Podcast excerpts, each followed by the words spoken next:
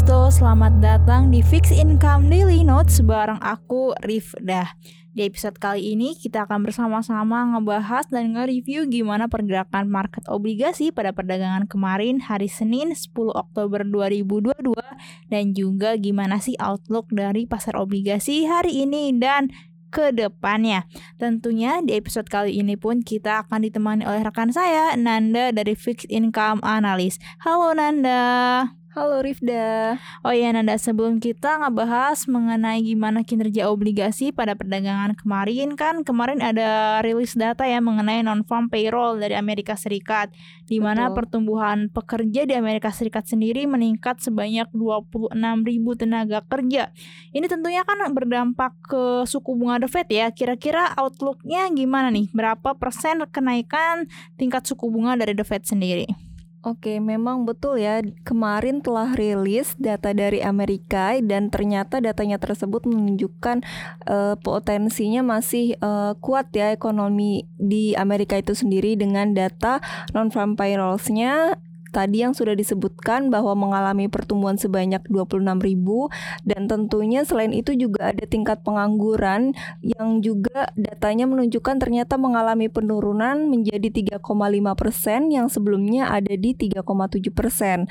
Nah tentunya ini bisa membuat The Fed masih bersikap untuk hawkish ya, jadi masih ada cenderung untuk kembali menaikkan tingkat suku bunganya dan potensinya ada di sebesar 75 basis point seperti itu. Oke, jadi potensi kenaikan tingkat suku bunga yang akan ditetapkan oleh The Fed sendiri sampai 75 basis point ya Nanda ya. Betul. Oke, kita lanjut bahas mengenai kinerja obligasi pada perdagangan kemarin. Ini gimana nih kinerjanya? Boleh jelasin nggak?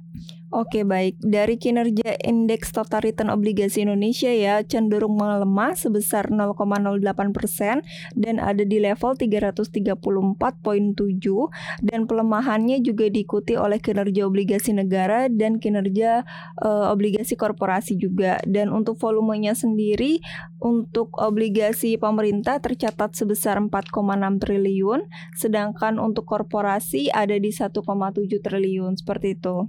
Wah, berarti walau uh, indeksnya melemah dan itu pun korporasi maupun pemerintah semuanya melemah ya Nanda ya. Iya betul karena data-data pendukungnya juga menunjukkan masih dari luar sendiri sentimennya masih kuat ya bakal ada kenaikan The Fed juga seperti itu. Ah, iya jadi di mana kalau The Fed naikkan suku bunga itu probabilitas Bank Indonesia akan menaikkan suku bunga pun tinggi ya Nanda ya. Betul sekali.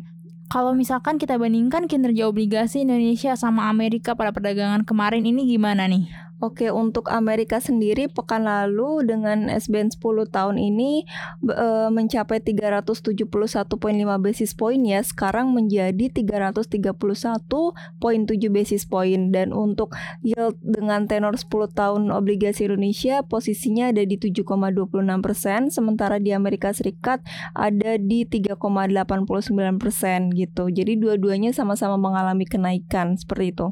Oh, jadi karena kedua-duanya sama-sama mengalami kenaikan sehingga spread antara kedua obligasi dua negara obligasi ini menyempit ya Nanda ya. Betul betul. Lalu untuk pergerakan mata uang rupiah sendiri gimana nih? Apa aja yang bakal mempengaruhi pergerakan mata uang rupiah untuk hari ini?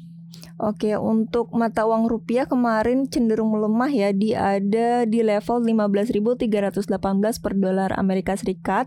Dan ternyata sentimennya yang sudah disebutkan terkait rilis data tenaga kerja juga, kemudian ada potensinya The Fed kembali menaikkan suku bunganya, bahkan Presiden The Fed wilayah Chicago Charles Evans juga mengatakan bahwa uh, ada konsensus yang kuat terkait suku bunga ini ada di kisaran 4,5% pada Maret Maret 2023.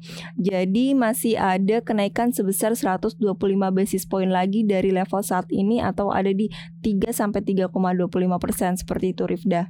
Oh, jadi mata uang rupiah kita sendiri per hari kemarin jeblok ya. Jadi melemah sampai ke level 15.310 itu merupakan level terlemah ya itu sendiri selama 2,5 tahun. Betul, betul sekali. Oke, lalu kalau untuk seri benchmarknya yaitu dengan tenor 5, 10, 15, dan 20 ini gimana kinerjanya? Oke, uh, untuk FR90 dengan tenor 5 tahun yieldnya mengalami kenaikan ya. Begitu juga dengan FR91, 93 dan 92 semuanya mengalami kenaikan.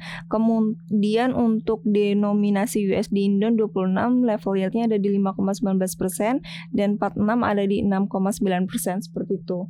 Iya ya, jadi dengan adanya potensi kenaikan yield tentunya obligasi pun sudah mulai merespon ya dari potensi Betul. kenaikan suku bunga itu sehingga yieldnya walaupun dari tenor pendek ataupun tenor panjang semuanya mengalami kenaikan yield ya Nanda ya. Betul sekali. Lalu untuk seri obligasi yang paling banyak ditransaksikan pada kemarin ini ya seri apa aja? Untuk seri yang paling banyak ditransaksikan ada FR98, volumenya mencapai 79 miliar dan untuk korporasi ada obligasi berkelanjutan 3 Merdeka Copper Gold tahap 1 tahun 2022 dengan seri B dan ini volumenya mencapai 151 miliar seperti itu. Oh cukup unik ya untuk kemarin yang paling banyak ditransaksikan. Ini obligasi korporasi ya? Betul. Melebihi dari obligasi pemerintah sendiri. Lalu kita lanjut ke kredit default swapnya sendiri gimana nih?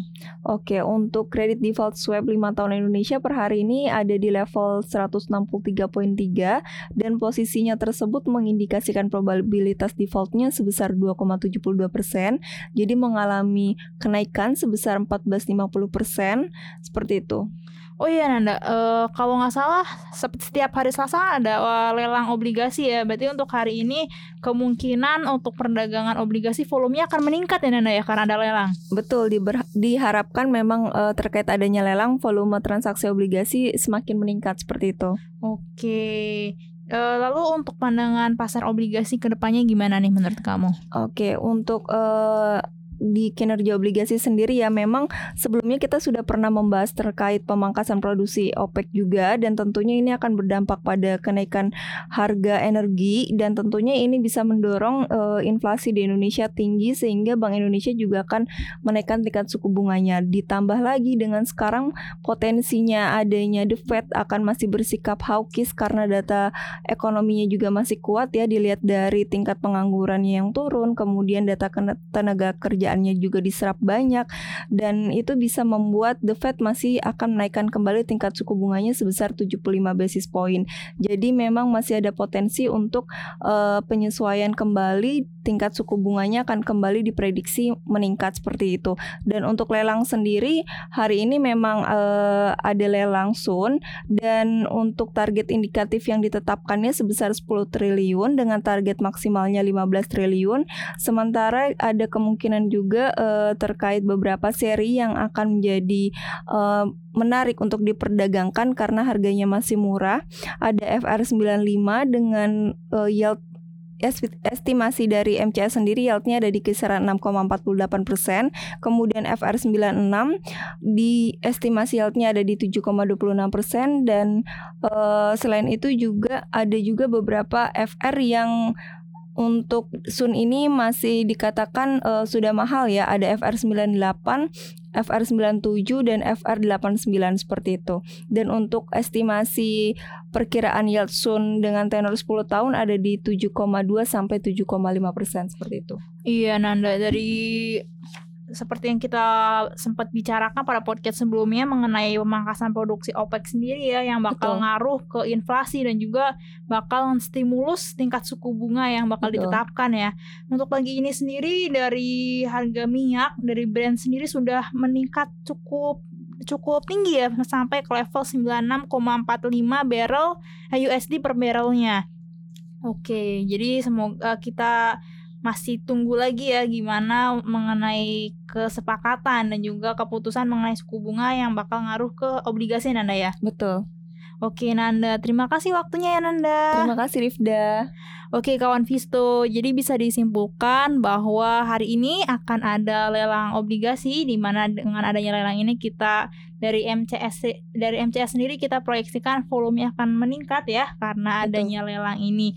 Dan juga dengan adanya pemangkasan produksi dari OPEC akan membuat suku bunga ini akan kembali dinaikkan karena dari penurunan dari pemangkasan produksi ini dapat menstimulus inflasi yang lebih tinggi. Oke kawan Visto, untuk podcast hari ini kita sudah di sini. Untuk kawan Visto yang pengen lebih tahu tentang investasi obligasi ataupun tentang saham, silahkan kunjungi investasiku.id. Investasiku for better tomorrow. For better tomorrow.